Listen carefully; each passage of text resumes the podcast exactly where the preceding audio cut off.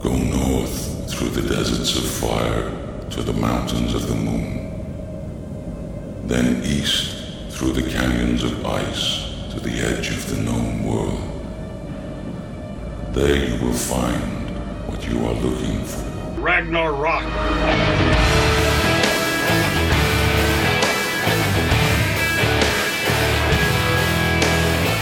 God kvöld og velkommen til Ragnarok og tvar tøymar vi Rotje og Tungmal med. Tver samrøver av skronni og i kvöld. Fyrst hos vid vi Erik Mortensson, åttamannen i svenska hardrockbøtjen om Eclipse. Vi tåsa om nutje ugavu Torra Megalomanium, som er den tutsjenta i røyene fra Taimon. Sødna samrøvan er vi Robert Garvin, trommoslåaren i amerikanska kultbaltjonon Sirit Angol. Garvin teker akne jøknon drikve søvna tja Sirit Angol fra 1971 og fram til i det, og så tåsa vi døysni om nutje utgave Torra Dark Parade som var utgiven i oktober. Velkommen til Tvartøymar vi Eclipse og Sirit Angol, velkommen til Ragnarok. Ragnarok. Hej, det här är Erik från rockbandet Eclipse och du lyssnar på Ragnarok.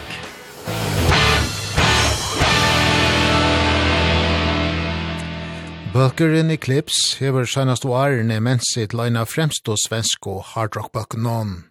Og ter tutsi utgavunar tar hava leti av hånden er strømtar fløyri enn halvtrus millioner ferer av Spotify. Nudjasta utgavan Cha Eclipse, Megalomanium, var tøk 1. september. Og i hessans samband i hau vid finnje åri av høvesmannen Erik Mortensson. Vi prata av òsne vi Mortensson i 2021 ta nastnudjasta utgava Torra, Wired, var utgiven. Hetta ver mi an koronafarsøtten herjaje, tøyla vid ut via spyrja kosse tøyen etter korona hever vere tja Eclipse efter pandemin så har vi ju verkligen tagit upp spelandet igen och på en helt ny nivå. Vi vi har spelat otroligt mycket de senaste två åren på ett sätt som vi aldrig har spelat förut så det är ju det har, vi har verkligen tagit igen de förlorade åren på pandemin så jag ska säga att det har varit kul och vi har ju skrivit musik under tiden så det har varit ett väldigt eh, busy de senaste två åren minst sagt. Och i har utvecklat er till ett av de mest populära svenska rockband de senaste åren. Varför tror du det är skett? i hårdrock har ju också man har man har vunnit en del på en lång och trogen tjänst. Genom att inte sluta så så så etablerar man sig liksom och det är det gör att det är väldigt svårt att komma in i början men det gör också att när man väl har kommit in så har man trogna lyssnare och de följer den men det är bara att tänka sig på en själv hur man hur man slaviskt följer sina favoritband. Det spelar ingen roll om de släpper ens dåliga skivor, man köper det ändå för att man man gör det bara för att det är det, det är som att annars så det är som man förrä, man förråder sitt favoritband om man inte köper det senaste de har gjort.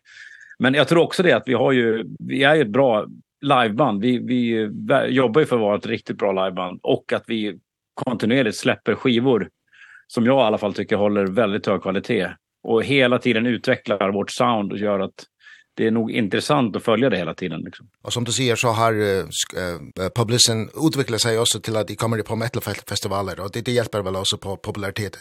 Absolut, allt från metalfestivaler till stadsfester liksom. Så det är både från liksom stadsfester där det är barnfamiljer liksom som bara går förbi till metalfestivaler och det är ju otroligt att vi har möjligheten att spela i den bredden vilket gör att det blir ju liksom Annars är det lätt att man i hårdrock är det ju så otroligt många genrer och fack och man får inte liksom röra sig en millimeter utanför gränsen liksom. För alla alla dessa alla hårdrockare vet ju hur mycket regler det finns. Det är ju det är det är det är som att gå på tå på en knivsägg liksom inom hårdrock och allting. Ja ja. Men vi på något sätt har vi genom åren lyckats kommer förbi det genom att vi vi far åt alla håll och kanter så ingen förväntar sig att vi ska vara i i vår exakt som vi är liksom eller i mitten.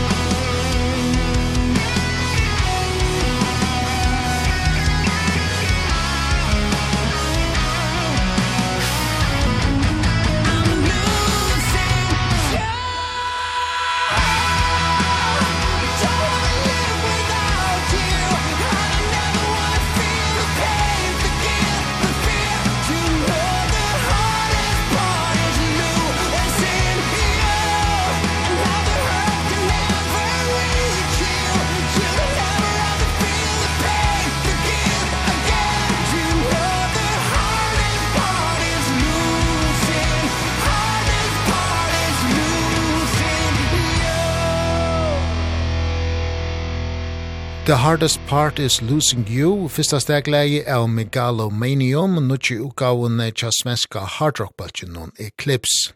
Tutjenda studieutgava tarra vær tøk, fyrsta september. Fyr røykingarna er at skriva tónløyken til nutje utgavunna byrja og stått etter at nastnutjasta utgavan tja Eclipse, Wired, vær utgiven i 2021. Erik Mortensson skriver nærm atlan tónløyken Cha Baltjenon det började nog ganska snart efter vi släppte förra skivan Wired utan vi började och jag började skriva låtar ganska förutsättningslöst i början. I början kan man det är en lyx ganska snart på när man har släppt en skiva så har man ju lyxen att skriva ganska brett och testa en hel del nya saker för att det, det tiden finns fortfarande kvar att det finns fortfarande tid att rädda det och för man ska gå fel liksom i låtskrivandet och eh, så att, vi börjar nog ganska snart på men eh, mycket av det de här lite nya idéer som vi test, jag testade liksom då har ju kommit med på den här skivan vilket är ganska intressant liksom. Så det, det är kul. Vi har testat en hel del nya lite nya grepp. Allt från emo rock till lite mer skatepunk och annat som jag som jag personligen gillar väldigt mycket. Så det var kul att fått in lite det i clips också. Och, och vad är det som inspirerar dig när du skriver musik?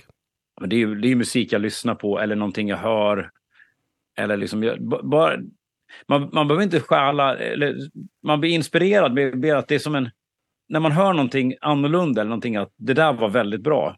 Så tar man det är inte liksom man tar inte musiken eller melodierna av det utan man det skapar en gnista som skapar inspiration som tar en man får man får en ny tanke som man inte liksom hade som man inte hade tänkt tidigare. Och det är det som är det mest spännande att man testar någonting som ja men just att man får en liten snilleblixt som slår till och så kommer man så bara, ja men så här kan man ju också göra. Det har jag aldrig testat förut.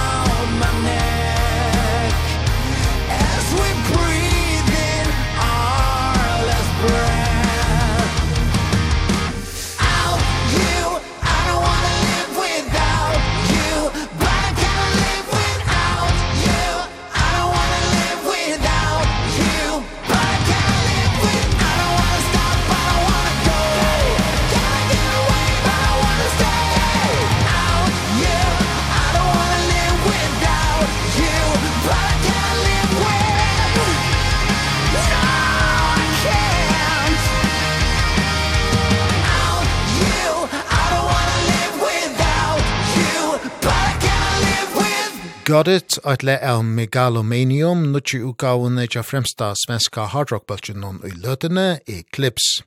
Tutjenda utgava tarra vær tøg, 1. september. Tja er Erik Mortensson som skriver nærum Atlantonløgjen tja Eclipse. Mortensson er en ekvelia virkjen tåleggare som også nye tidsist i til verkatlaner som WET saman vi Jeff Scott Soto og Nordic Union saman vi Ronnie Atkins. Tøy spyrja vid han gosso han og i skrivetilgangtene veit at dette er en eklips WET etla Nordic Union sankor.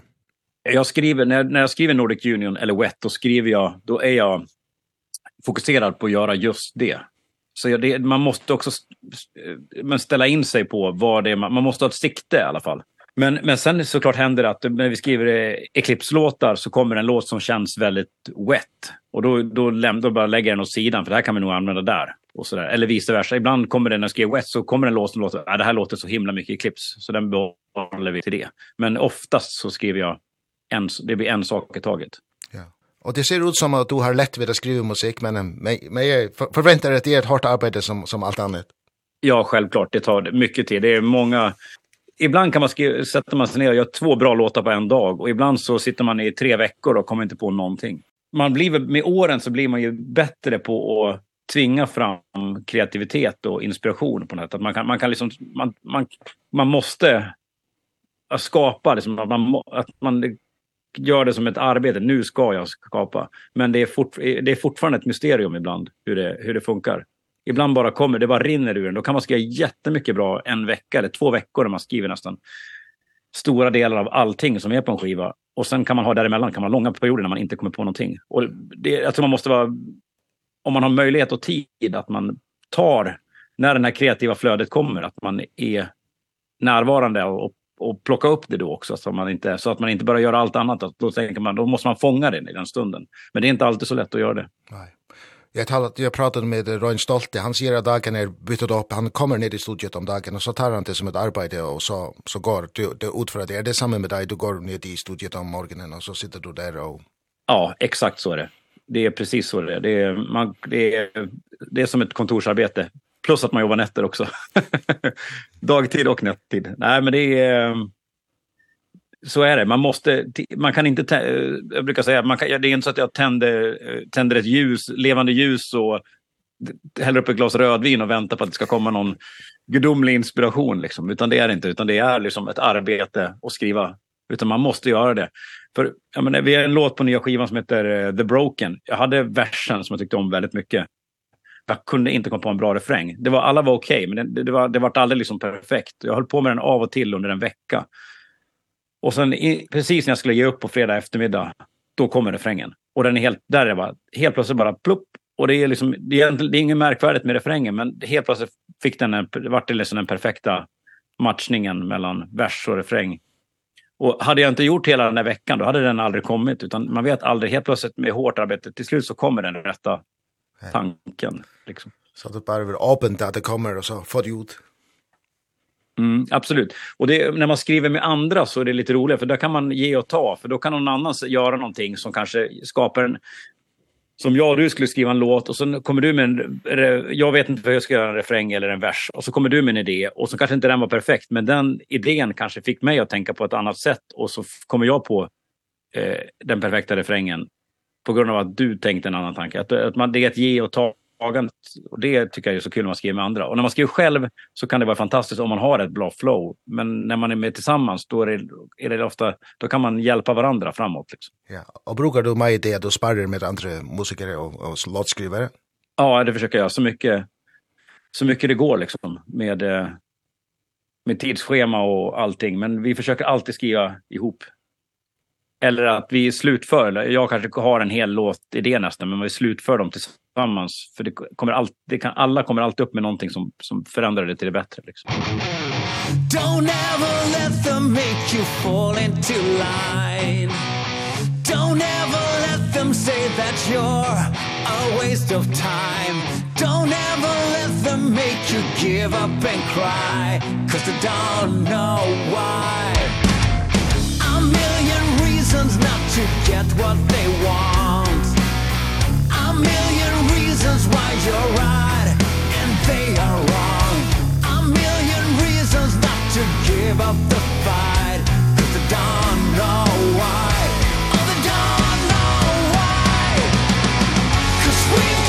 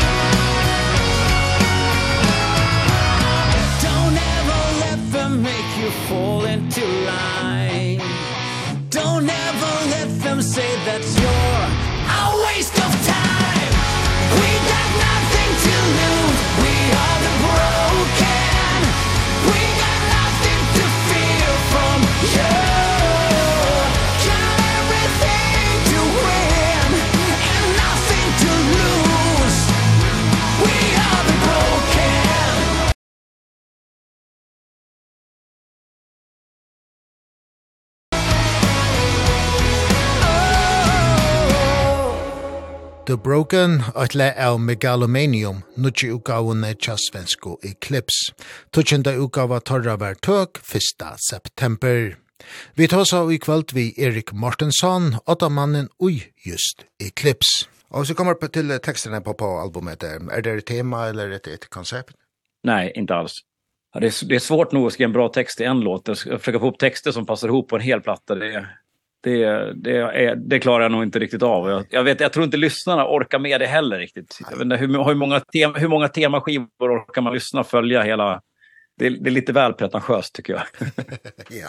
Och så kommer det till titeln. Eh var hittade du den? Ja men vi vi stod och vi, vi pratade om hela inspelnings när vi spelade in skivan och den här de här två åren som jag berättade som har varit så väldigt bra med spelningar att och, och vi började testa så här järva saker och kände oss liksom lite vi skiter i vad andra tycker. Nu kör vi vårt eget race här liksom att vi fick lite lite storhetsvansinne och då kommer den här det var i någon diskussion att vi hade lite storhetsvansinne och då tyckte vi att det var en ganska rolig titel av Megalomania. Men det Megalomania finns ju massor så vi försöker alltid få en egen litet ord för det. Så Megalomanium blev en ett eget påhittat ord som ja, det visar sig senare att det var i en en tecknad film så finns det ordet med på ett ställe. Okay. Och det är en galen vetenskapsman som gör en ett elixir och när man dricker det här så blir man galen av makt. ja, det det är gott ord, det man måste säga. Det, det, det sitter ja, gott.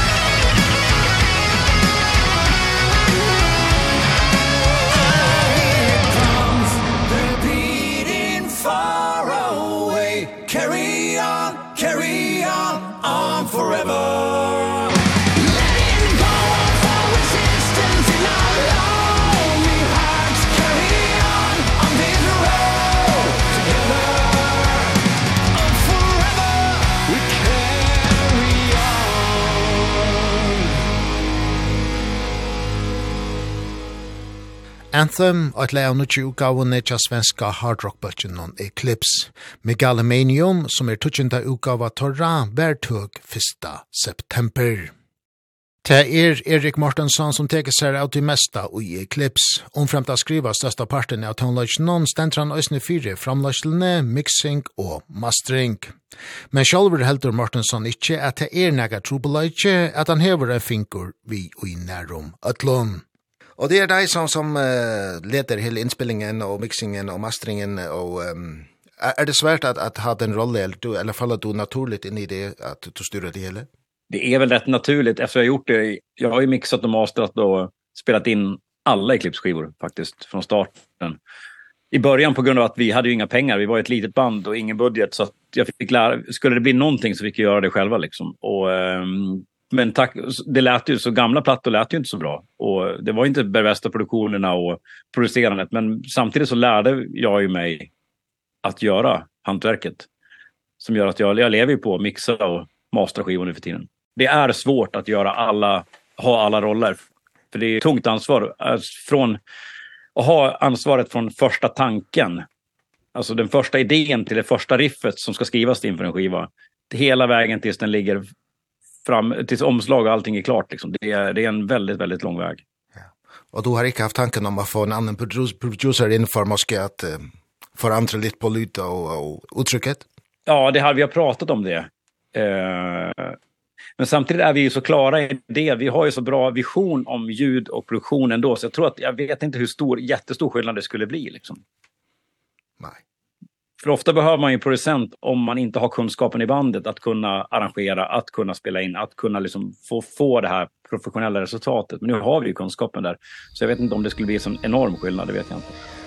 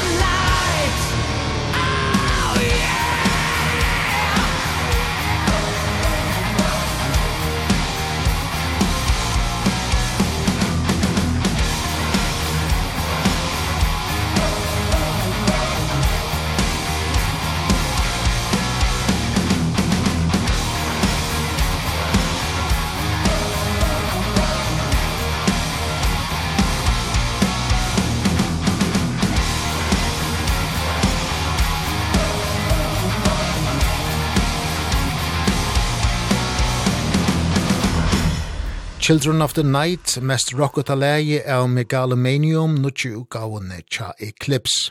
Og en utgava måla tjuvera Dogna sær 1. september. Og en så flest atlar undanfarne utgavene tja Eclipse, fer hentan tutsjenta utgavan Ghost Gospel fra Omalarnon.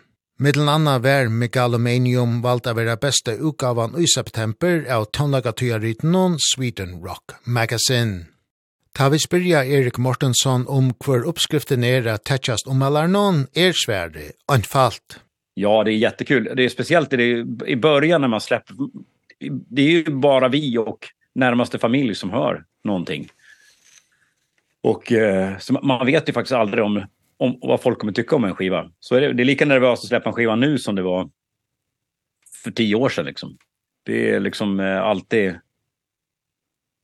och för varje år så i början så får man en liten så här då, då tycker är folk glada för att man gör bra grejer men nu har vi nu förvänt alla förväntar sig att det ska vara skitbra. Så är det inte skitbra då blir folk besvikna så det det det hårdnar på det folk är, är mer hänsynslösa i sin kritik men ändå så lyckas vi fortfarande få väldigt goda recensioner. Och så tycker jag måske att i medlemmarna är måske de hårdaste kritikerna för alla för att få det så gott som det är. Ja, självklart, självklart. Jag menar vi släpper inte fram en skiva som inte blir bra då drar vi om inte vi är nöjda med resultatet då drar vi handbromsen ja. och ser till att det blir bra. Det är ju väldigt viktigt. Jag har sagt det förr men när man var ung och köpte skivor och och och det var man hade hört någon låt som man tyckte jäkligt bra och sen köpte man en skiva så var det liksom två låtar som var bra resten var tråkiga liksom. Det var så här album fillers liksom. Och jag, jag har verkligen lovat att jag ska aldrig göra jag ska jobba mitt yttersta att det aldrig blir så att man verkligen varje låt ska förtjäna sin plats på skivan att det är väldigt väldigt viktigt.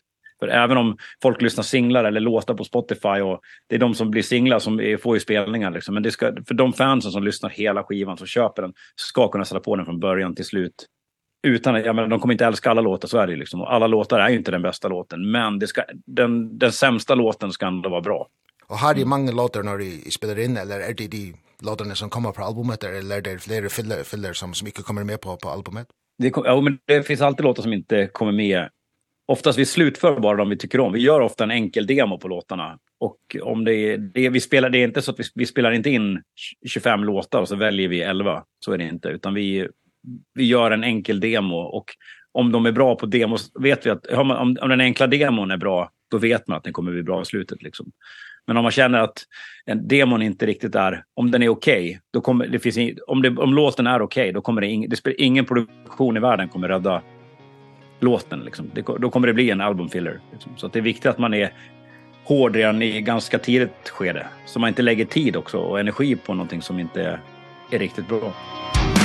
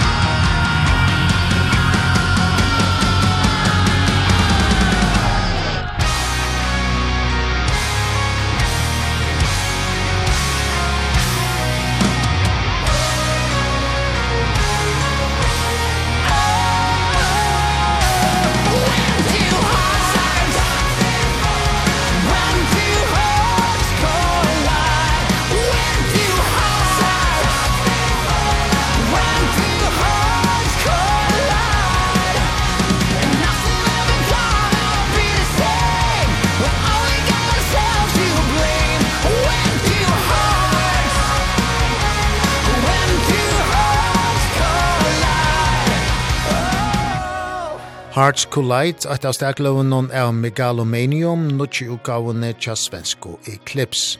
Tudjenda utgava torra var tøk 1. september. Eclipse hever jøkna mongo utgaver skynar mensut egna ljau, og til høyre sjálvandi attor av Megalomanium heldur Erik Mortensson. Som lyssnare ska det låta Eclipse liksom. Det ska låta Eclipse men man ska höra att det är lite annorlunda saker. Men när vi är inspirerade, alltså inspirationen och liksom tanken bakom både melodier och arrangemang kan ju liksom för oss kan det vara inspirationen kan komma från helt udda saker. Allt från black metal till folkmusik till eh inte vet jag punk liksom. Men men när när när skivan ligger i handen eller i, i CD-spelaren eller på streaming då ska ju folk höra i clips såklart men för oss är det viktigt att vi har det här förändringsarbetet. Om man lyssnar den här skivan mot en, blir en Scream som är 10 år gammal så är det ju ganska olika band. Men man hör ändå att båda är i clips. Eh, och en, en del tycker ju att det är de gamla skivorna. Det, ja, det vet, man har en, en del av ens publik är ju att det gamla är alltid bäst. Liksom. Helst ska den, den första de, demon på den första demon är alltid det bästa. Liksom. så är det och för att det, det man man har ju någonting det, när man upptäcker ett band så det man upptäcker bandet med är ju oftast det som man tycker är, är liksom har en speciell plats i hjärtat liksom. Men men för oss så är det viktigt. Vi är inte samma människor nu som för 10 år sedan. Jag jag vill inte skriva samma musik nu som då. If I'm not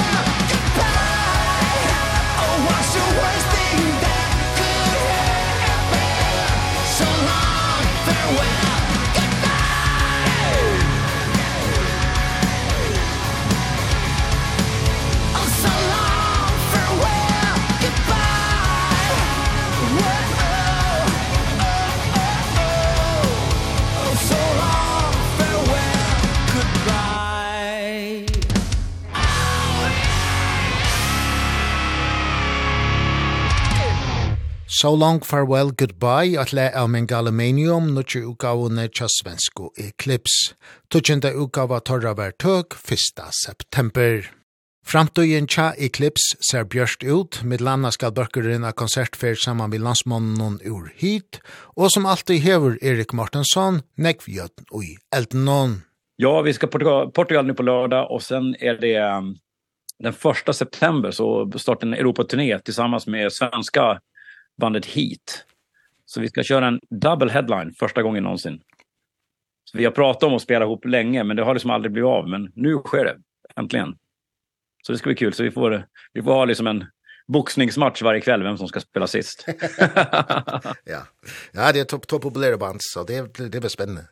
Ja, det blir spännande men det det är det är full gas och det blir Japan igen och vi har för, vi ska för första gången spela i Sydamerika vilket ska bli otroligt roligt. Vi har alltid vill åka dit men det ja det är inte det är inte bara att åka det det ska bli rätt liksom när man åker någonstans så så äntligen så ska vi spela i vi börjar med att vi ska spela Summer Breeze jättestor festival i Brasilien också. Och så ska vi få till en en Sydamerika turné också men i alla fall så en del datum i alla fall. Det ska bli jätte jätteroligt för första gången. Og hva med deg selv, du er en, en travel herre, er det flere prosjekter i, i støpeskeen i, i fremtiden?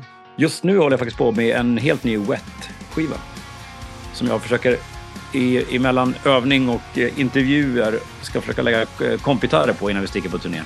Så där, den, är, den är färdigskriven hela skivan. Den är helt, den är, det är inspelningsfasen just nu.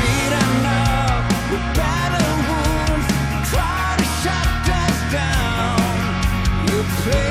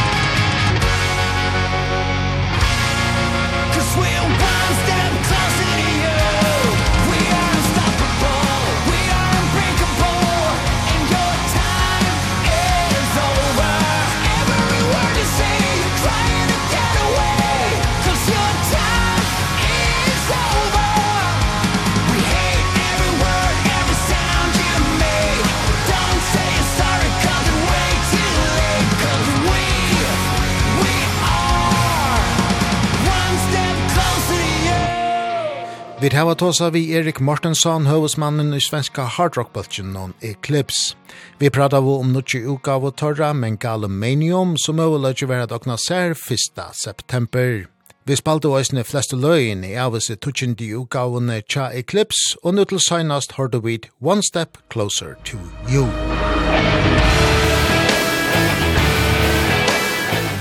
This is Robert Garvin, the drummer of Sirith Ungul, and you're listening to Ragnar Rock, the leading rock show in the Faroe Islands.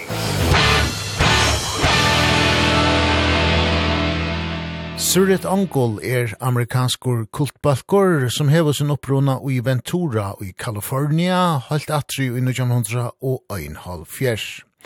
Navnet funnet limener i bokaversjonen Lord of the Rings tja Tolkien. Og Surit Angul er eisne undangangubalkur innan power metal grønna, og tekstheimeren balkuren ferast ui er ur fantasyheimenon, hersvør og kantor er ein naturligur pastor. Surit Angol hever viskin i langkri og stittri tujarskai sujane stånanana, og tar hava leti av håndon seks ukavor. Frost and Fire i 1900 og Øynefors, King of the Death i 1904, One Foot in Hell, tveier sjøttene i 1946. Fjore utgava Torra, Paradise Lost, var tøk i 1991, så Jinko Heile 22 år til nast nødgjeste utgavan, Forever Black, var utgiven i 2021. Og nu er tar vi Surit Angol aktueller vi satt i utgave og søgne, Møla ikke være at åkna ser Dark Parade 20. oktober. Og i sånn samband i her, vi finner jo året av øyneste menn, tromoslovaren Robert Garvin. Omframt at hos om Dark Parade, tekur pratingar samme Garvin og nøys nyjøknum søvna tja Sirit Angol. Men Arjen vi koma til søvelige parten, skulle vi tøyre et le av nutje utgavene. Her kommer høydesankeren Dark Parade. Dark Parade!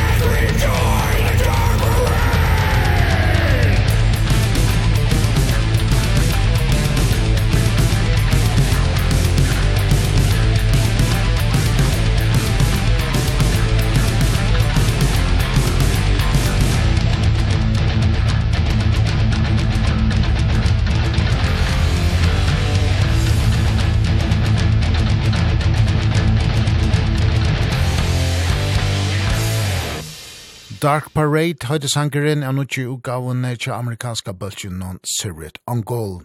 Satta utgava torra var tøk 20. oktober.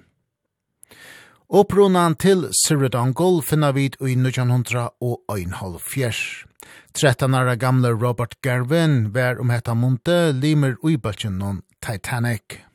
We started like around 1971, 1972, we were in like uh seventh grade so we were like around 13 or so and uh, me and Greg and Jerry who were the original members we were members of another band called Titanic and that had another, another guy in the band Pat Galligan who was uh he played uh guitar in like a punk band Angry Samoans. This was kind of a, a funny story. His family was kind of like the Partridge family. They were kind of like a singing family group like a folk group and they they played folk music and and it was uh Pat his sister and his mom and his dad. And but when we got together this was kind of like the height of the Beatles thing you know like the end of 1969 uh, 70 you know and he was a big Beatles fan. So we we kind of got together with him and started this band. But all he wanted to do was play like Beatles songs you know. I think the first song we played was Get Back or something like that. And um me Jerry and Greg really wanted to play something heavier and Greg was always turning me on to music. And you know, right about this time, especially here in Southern California, bands like uh The Doors or Iron Butterfly, you know, Jimi Hendrix played here in my hometown. These guys were all playing around us and we were too young to go to the shows, but you know, this the music was around us, it was on the radio, we were listening to it. And Greg would always bring me albums, you know, I remember uh he'd bring me an album be like, you know, Blue Cheer, you know, uh first album or like A Mountain Climbing, you know, uh and uh you know he'd go rob you got to listen to this band. It's really heavy. It's really good. And so we wanted to play something heavier. You know we didn't really like you know it's not that we didn't like the beatles but it wasn't where we we saw our future like with heavier rock. And so that's so we split away uh we you know greg said it was passive aggressive i'm not sure that's the right word but instead of firing him from the band we all quit and started Sirathungal. Now it was kind of you know we were young kids right so his parents came over and contacted my parents and say this is really unfair you're throwing you know our son out of your band or whatever you know and i think that that's that's what we wanted to do and and that's kind of how we we got started Og ta vær i skolan hon at Awen fire fantasy bokmenton byrstis tja Robert Garvin og hinon og i Surit Angol. Mian Tonlagalia og blåsteren funnet tøyr og i lokala plate, handlunon. Greg and I were in um, school and right across the street was a record store and we were over there looking through records and we're flipping through there and we'd always look at the album covers and see what they looked like. Uh I remember he pulls out Black Sabbath's first album and he goes, "Hey, look at this." He goes, "I wonder if these guys are any good." So I mean, that's how old I am. I mean, I saw Black Sabbath's first album when no one had ever heard of, you know, which was amazing. So anyway, so uh in this class we were at in the morning it was an advanced English class and they assigned us to read The Lord of the Rings, you know, which is a giant, you know, back then they were paperback books, but each book was like 600 pages and this was before the Peter Jackson Lord Lord of the Rings movies or was a big cultural icon like in our society. So being asked to read that it's like being assigned to read War and Peace or some other gigantic novel, right?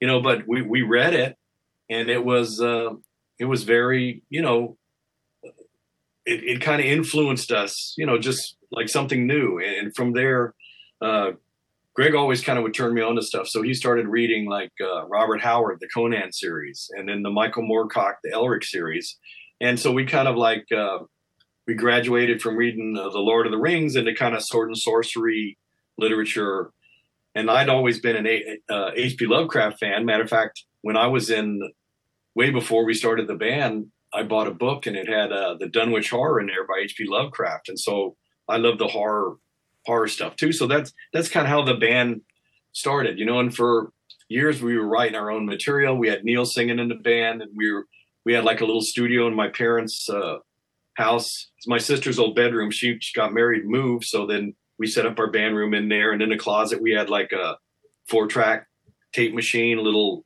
uh, TAC mixer, and so we'd record songs and we did that for a long time.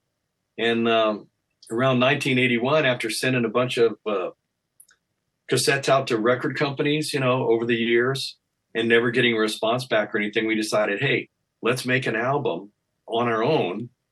And we had a buddy Randy uh, who'd been injured in an oil field accident. And so he had some money and he said look I'll I'll help you if you pay me back. I'll help you guys put this out. So we recorded the album. Uh we got Michael Whalen who painted this fantastic I did the Chaos logo but he did this as part of uh his picture that we used for our album Half Past Human. Uh we contacted him and uh, there's a story behind that too. We we were thinking about using a Frank Frazetta painting called Berserker and uh we were contacting whoever the publisher was of the book the Conan book it was on at the time and Greg walks into practice holding up Molly Hatchet. Yeah, and they had the cover that we wanted on the cover of their album. Now we never really thought their their music fit that art, but so I was reading uh Stormbringer by Michael Moorcock and I had it in my hand and I looked down and I said, "Boy, this would make the best album cover ever ever, right?" And so we contacted Daw Books who put us in contact with Mike, Michael Whalen and uh the rest is history. Now I always joke, you know, our dream was if we just stay together long enough to use every one of those book covers for our albums and with this latest album we've used all of his book covers from that original uh series of Michael Moorcock books about Elric. Oh.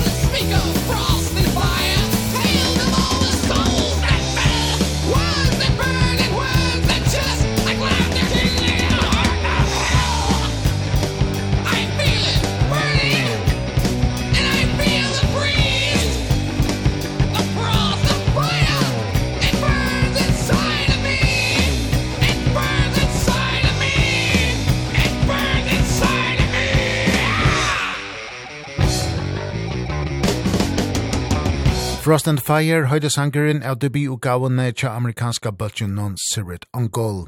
En utgava som er sendt av marsneien i oktober i 1900 og ein og furs. Bøkeren stod sjolvor fyri utgavene, men kjøtt kom og i samband vi person som kunne oppbrøya LP-na kring Atlan Høymen. Personeren var Brian Slakel, som om hetta munte var i fer via stående platefella sutt Metal Blade Records.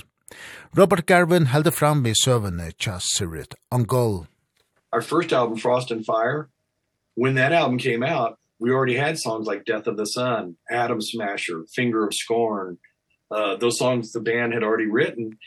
The reason all the songs that are on Frost and Fire are there is because we were trying to get a record contract. And back then, they wanted to play stuff on the radio. So what we did is we took all the songs that we thought had a chance to play on the radio at the time and they actually played it on a local station in Los Angeles and the guy said the next day he goes we can't play this stuff. It's too heavy. Or at the time they were still playing they must have been playing Black Sabbath stuff. So I mean we were trying to figure out what that was and I don't think we were too heavy. We were just too different. The stuff we were doing was so different than the stuff everyone else was doing.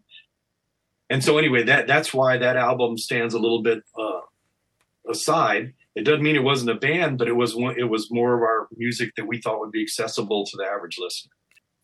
You know we put this album out you know and we were trying to get we were going to send that out to record companies and and try to sell it locally just to see if we could get some sort of uh uh our foot in the door. And that never ever happened to be honest. But we did uh Brian Slagle who runs our record company uh or he's I think he's partially retired now, but he's still he was he started uh, Metal Blade Records.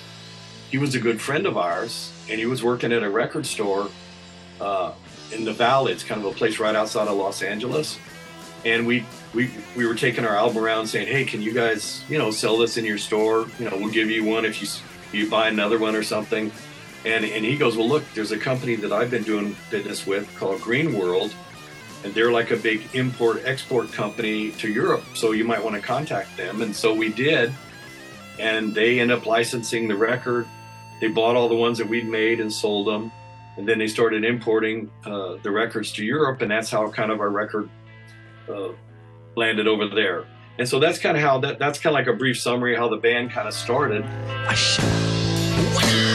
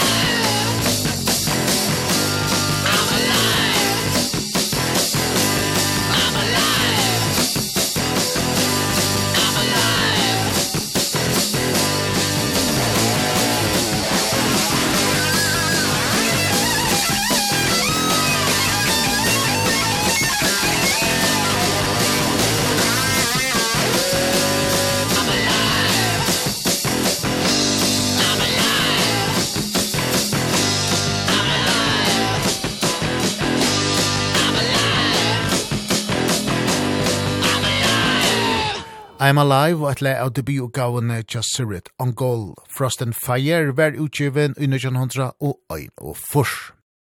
Og i tiderskøynen fra 1900 og 1 og furs til 1900 og 1 og fems, led bøtkeren ur Ventura ur hånden fyra utgavor. Men ans og tja som ekven øren bøtkeren enda i vikongten tja Sirit Angol, ta tånlaga marknaveren brøttest vi grunge, fyrst og i nøytidarnån. Robert Garvin er trommeslåare og eneste opprona limeren og i Sirret Angol.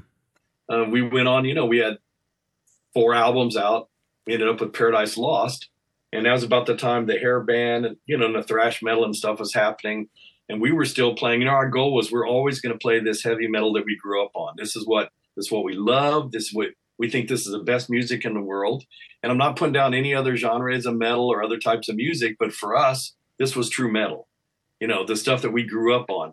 And i don't care whether you say hard rock heavy metal but you know it's still if you go back and listen to blue cheer or you listen to mountain or you listen to deep purple early black sabbath uh or you go to steppenwolf you know or you go even to the you know some of the bands that kind of was precursors right before them uh that's what we grew up on and that's what we loved and we decided that's what we're going to play forever. And so uh in 1991 you know all this other stuff was kind of coming to the surface and we just you know it's not that we weren't prepared for it we just we didn't feel that we belonged in that. A couple of guys left the band. Jimmy our guitarist now he quit. Flynn our original bass player quit. And Tim and I were sitting there in the band room going you know what are we going to do? Are we going to like get a couple other guys that don't know our music teach them like you know? And we were joking cuz we were like you know what well, we're like 30 years old or something and we're saying we're going to have to raise a new generation of musicians to be in our band. So we just said hey man let's just call it quit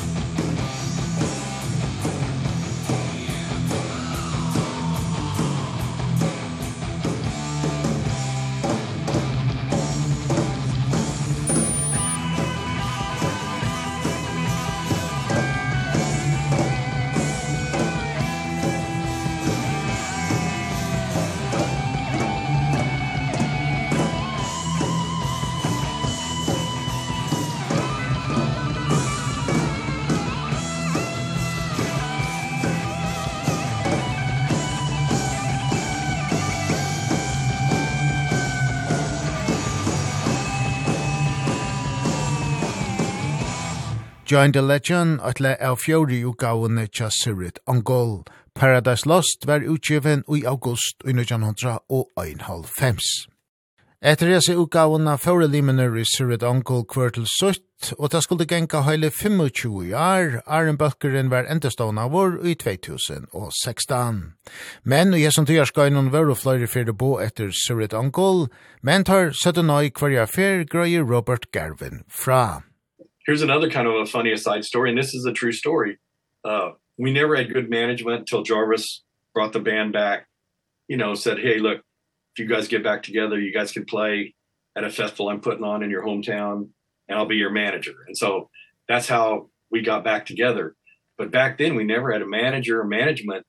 And a record company called us once and they said, hey, there's this guy that wants to, you know, just looking for a band to manage. And so we met with them and a the guy said, well, you know, I don't really like your music, but we could change it up a little bit. But you know, you're going to have to wear lipstick and makeup and dress kind of like in women's clothing, you know. And it, at the time sometimes we'd wear satin pants or like, you know, like a leopard skin shirt or something. So to us that was as far as we were willing. You know, this is all before the Rob Halford leather thing took off, right? Uh and so we met sideways, you know, in another office and we talked about it and like everyone in a band says, you know, we're not going to do that, you know we're not going to wear lipstick and put eyeliner on and all that. And so we told the guy and the record company took us aside and said man you guys are stupid. You know this guy could have really helped you out. You know and what do you guys you know what do you guys want to do? And we go we just want to play hard rock heavy metal music right? Well the guy at the time he was an english gentleman he went on uh to manage uh, guns N' roses. So that you know and the joke is you know like we all want to be rich. So the joke is you know if we could go back in time I'd be putting an eyeliner on or or lipstick or something. But you know we just I we weren't cursed but you know I think we we never really wanted to write music It was part of whatever fad that was happening at the time you know?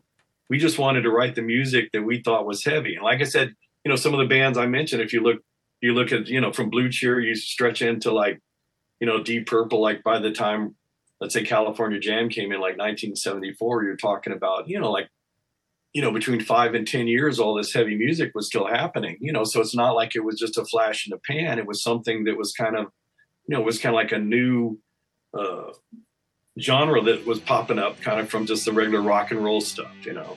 But i mean i guess you can include the who in there you know and there's a lot of other bands that can actually be kind of grouped in there originally as as part of the hard rock uh thing you know and we we we were going to stick to that. So and that's that's when the band broke up.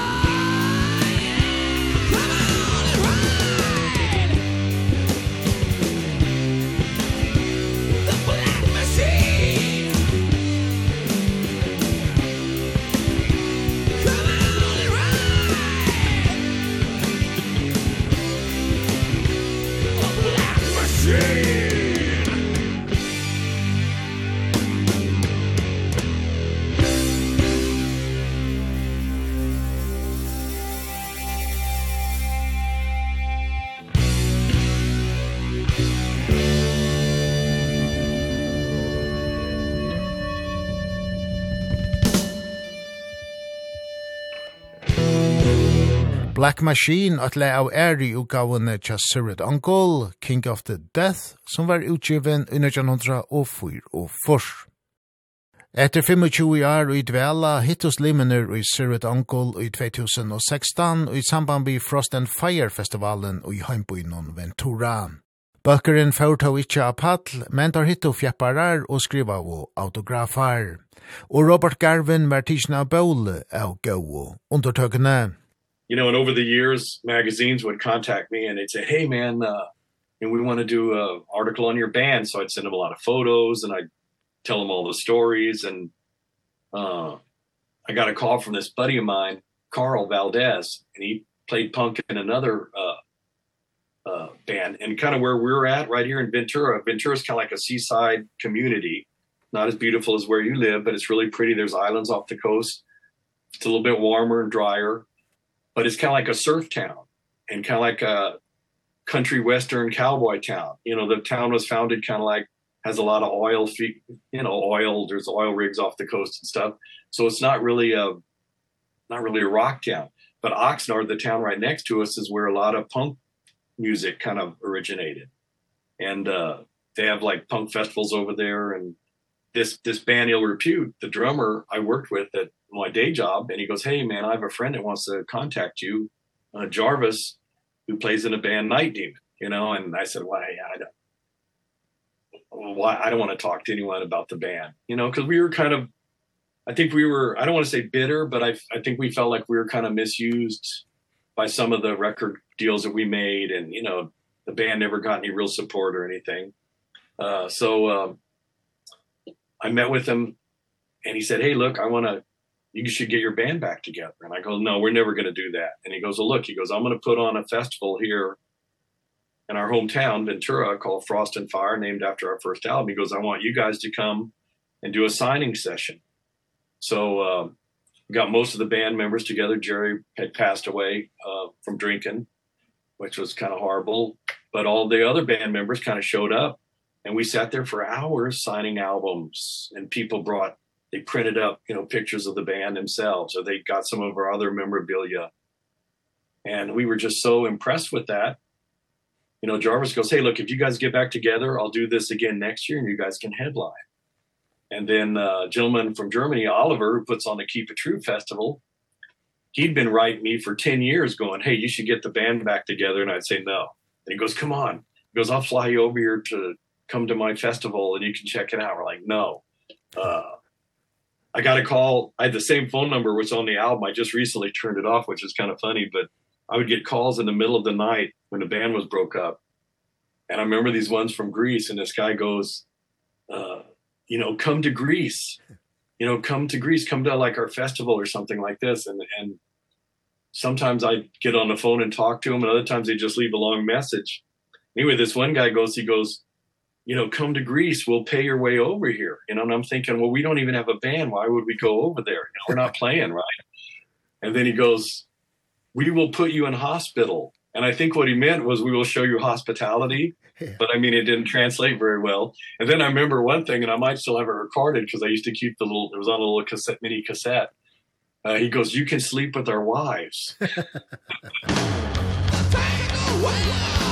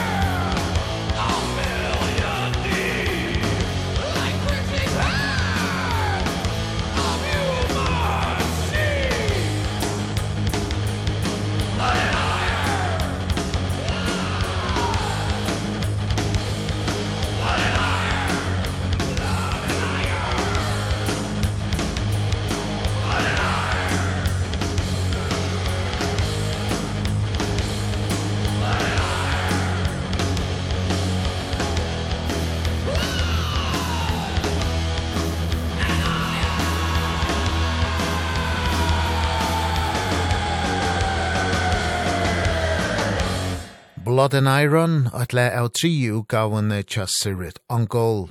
One Foot in Hell var utgiven i 1906 og først. Møtøkan av Frost and Fire festivalen non vær så mykje gau at limener ui Sirit Angol avgjørdo at gjerra enn anna rønt og fóru ui oppdagihølle. Og urslite 5. utgava torra Forever Black var tøk 24. april i 2020. Kanskje ikkje besta timingen tog koronafarsetten bryr i at herja om hetta munte.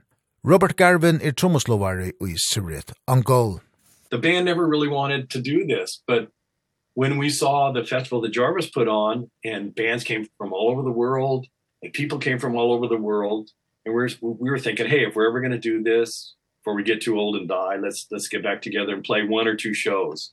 And that one or two shows morphed into a couple of more shows and then um we did the song Witch's Game for a movie that never came out, but they're still working on a movie. That's good news. I just talked to them the other day uh the planet of doom and you can go on Instagram uh I don't think they have a Facebook page but they're still working on that. And they're kind of doing that like we did our first album. They want to put out this movie but they don't want to sell out to like Netflix or a big company. They want to do it themselves so that they can keep control.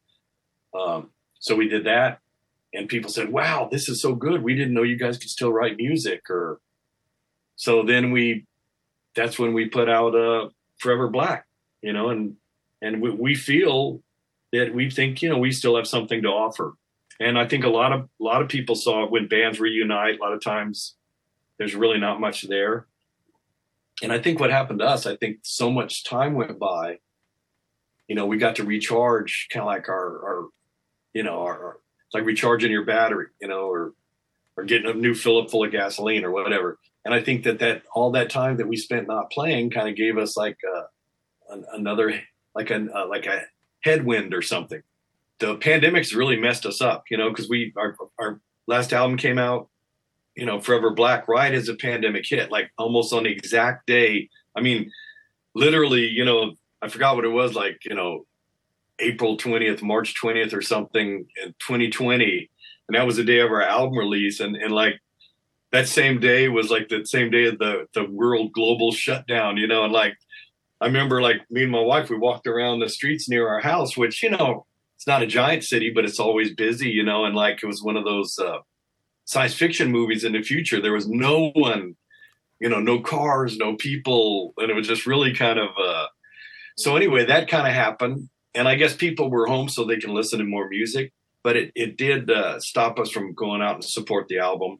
You know playing shows. We don't play as many you know everyone always asks us uh, you know when's our next tour? But the band's never traditionally toured because we have a couple of band members that work full-time jobs.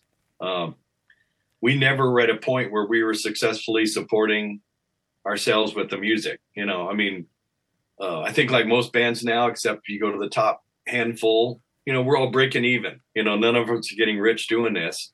And th that's another reason why uh you know, I think that we're really proud of what we do because we're not doing this, you know, to be rich, you know, or famous. We're doing it just to create heavy metal music. Hello.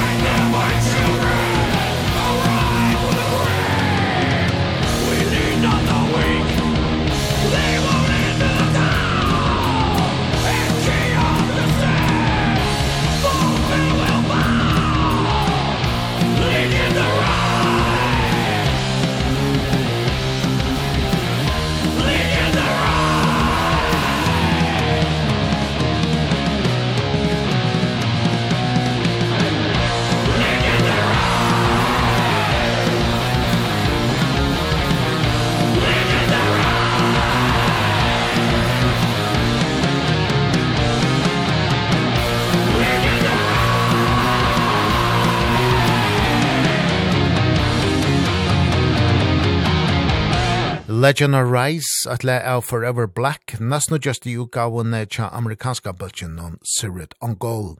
Femta utgava torra vær utgiven i 2020. Nå tveir skjøttene er tar i Sirit on Goal aktueller vi satt i utgave søgne. Dark Parade vær utgiven 20. oktober. Vi tar seg i kveld vi Robert Garvin, einasta av opprunna limenon og just Sirit on Goal. And if if we come to the new album, um, how is is the writing process? Are you sitting together or are you sending ideas between you? Yeah, you know, we we've kind of always done this same together, you know. And in my written interviews, I I type up something that's kind of like uh, you know, very like over the top like, you know, we forge our songs like a you know, an ancient battles metalsmith would forge, you know, like a sword, you know, like, you know, using the correct amount of alloys, hammering it into shape, you know, you know, everything to make sure that it's like this like you know massive you know strong battle sword to take in the battle or whatever. But we've kind of always done this the same way. We did it at my parents uh, house. Uh we'll record a demo. You know we'll work on the songs. We'll come you know come up with the riffs. Usually our guitarist or someone will come up with riffs. You know we'll all hammer it into shape. We argue about it for days you know. We've argued that's another thing. A lot of big bands, I'm not mentioning any names, but there's a lot of famous bands. And once in a while I hear their riffs and they sound like the riff wasn't finished right or didn't sound correct. But especially on this new album, there's some amazing riffs. And like, we'll be sitting, we'll sit there for like days and like, you know, that one note isn't right, you know, and Tim and I aren't musicians, you know, we don't play any instruments. You know, I play the drum, but I'm not a musician uh, per se. And, uh, but we kind of know what we want you know so we'll say hey that one note doesn't seem right you know and then we'll argue and maybe someone will come up with the other note and we'll say well you know they they go well I don't like that and say well well let's record it and see what it sounds like you know they'll argue some more on it. So anyway so we finally like hammer in uh, to shape kind of like you know the rough part of the song.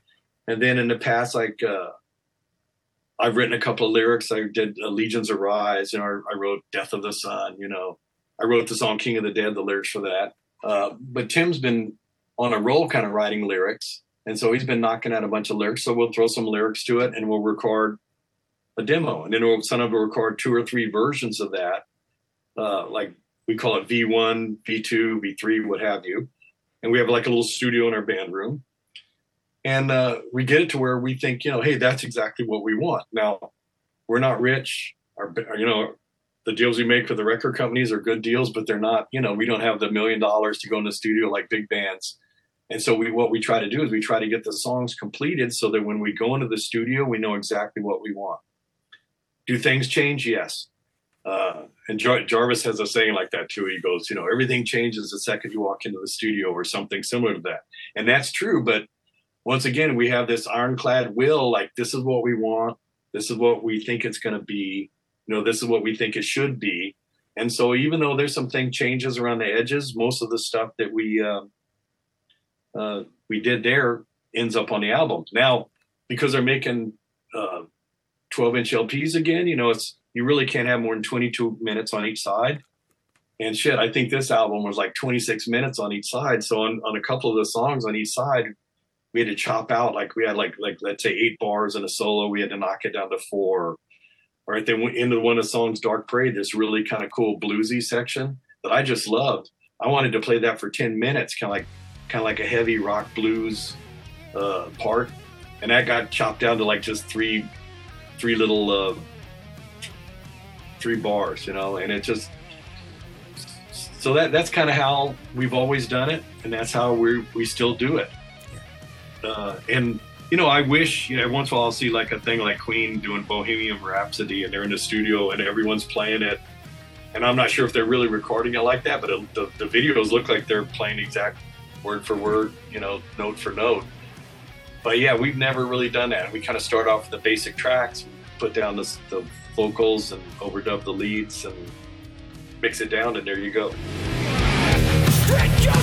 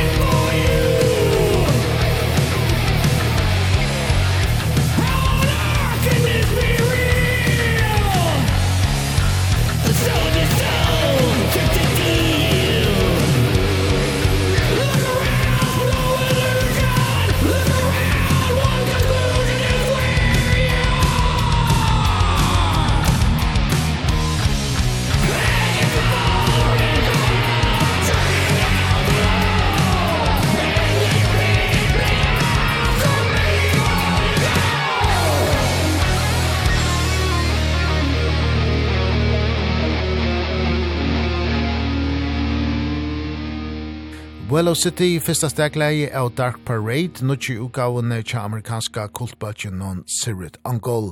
Satte utgava torra var tøg 20. oktober. And you, you mentioned the lyrics. Uh, what can you say about the lyrics on the album? album? Are there a team or, or a concept? Yes and no. The band's always had a dual personality. We had the sword and sorcery, like uh, Frost and Fire, songs like that, Frost Monstream, uh, Forever Black. And we've also had Doom stuff, you know, our the song on Metal Masker 1 with uh on Brian's label the first album he put out Metal Masker 1 song on here is Death of the Sun. I wrote the lyrics to that. That's a song about you know when the sun burns up. You know we were a lot younger so it's like not very sophisticated but you know the sun's going to burn out at some point and when it did it's going to melt all of us you know melt our faces off or something. Uh so all along we've had songs like that. You know doom planet uh war eternal you know throughout a lot of our albums we've had some pretty uh, uh dark music. And i think what's happening you know we try to we don't do it intentionally but i think music reflects the world around you. And i think the world you know whether it's climate change or war or whatever's going on it's not like it's getting better and better. It's like seems like it's kind of falling apart. And if you look at our last three studio albums paradise lost forever black dark parade side 2 of all the albums is kind of like a vision of Tim's view of the fall of mankind.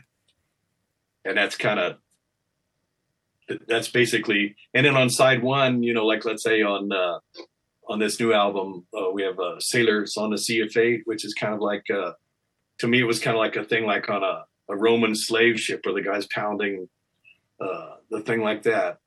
Um sacrifice you know we were we were talking about writing a song about like some kind of aztec or mayan sacrifice you know where they drag the person up to the top of the pyramid you know they cut your cut his heart out you know they hold it up like ah! Uh so i mean that so side one has kind of been traditionally reserved for at least on the last three albums songs that either have a sword and sorcery or like a different theme. And side 2 is kind of just all end of the world stuff.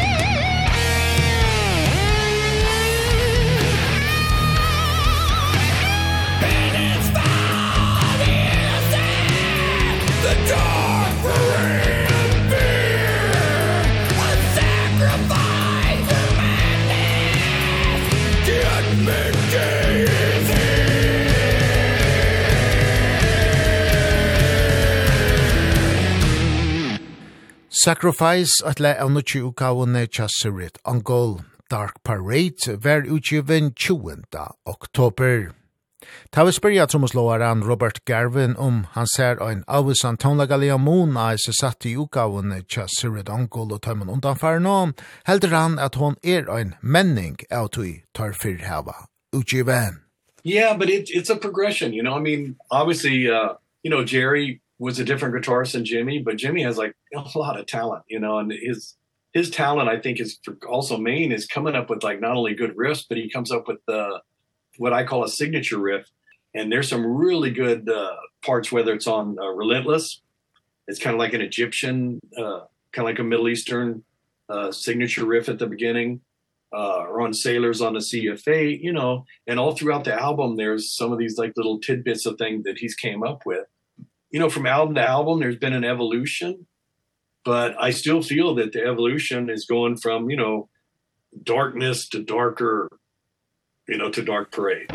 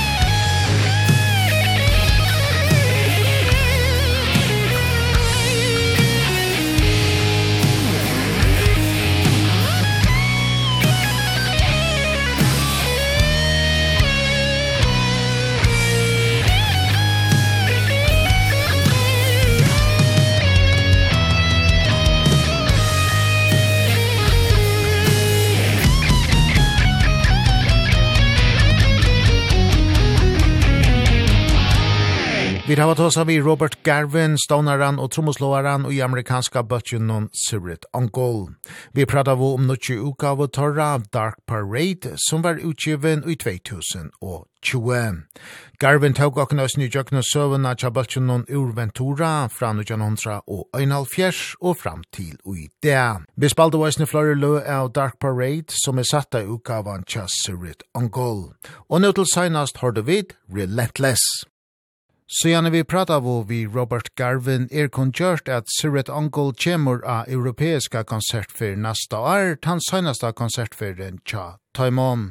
Og 19. september ver møvla i tja at oppleva tøyr i Gimle og i Roskilde, at tåra First and Final Danish Show som tar kattla konsertna. Om du hever onkra vi merking, etla vil vida møyrum sendingsna, er møyleitje a forena Facebook-bøltjen tja Ragnarok. Her finner du playlistar og anna tilfær. Møyleitje er òsni at høyre hesa og undanfarnar sendingar av høymasuy okkara kvf.fo framskag Ragnarok. Ragnarok er atras grann i viko vi samrovon og nutjon tonleitje. Jólene koma Arne vid høyrast attor, så tikkum vir yngst ein gledelig jól.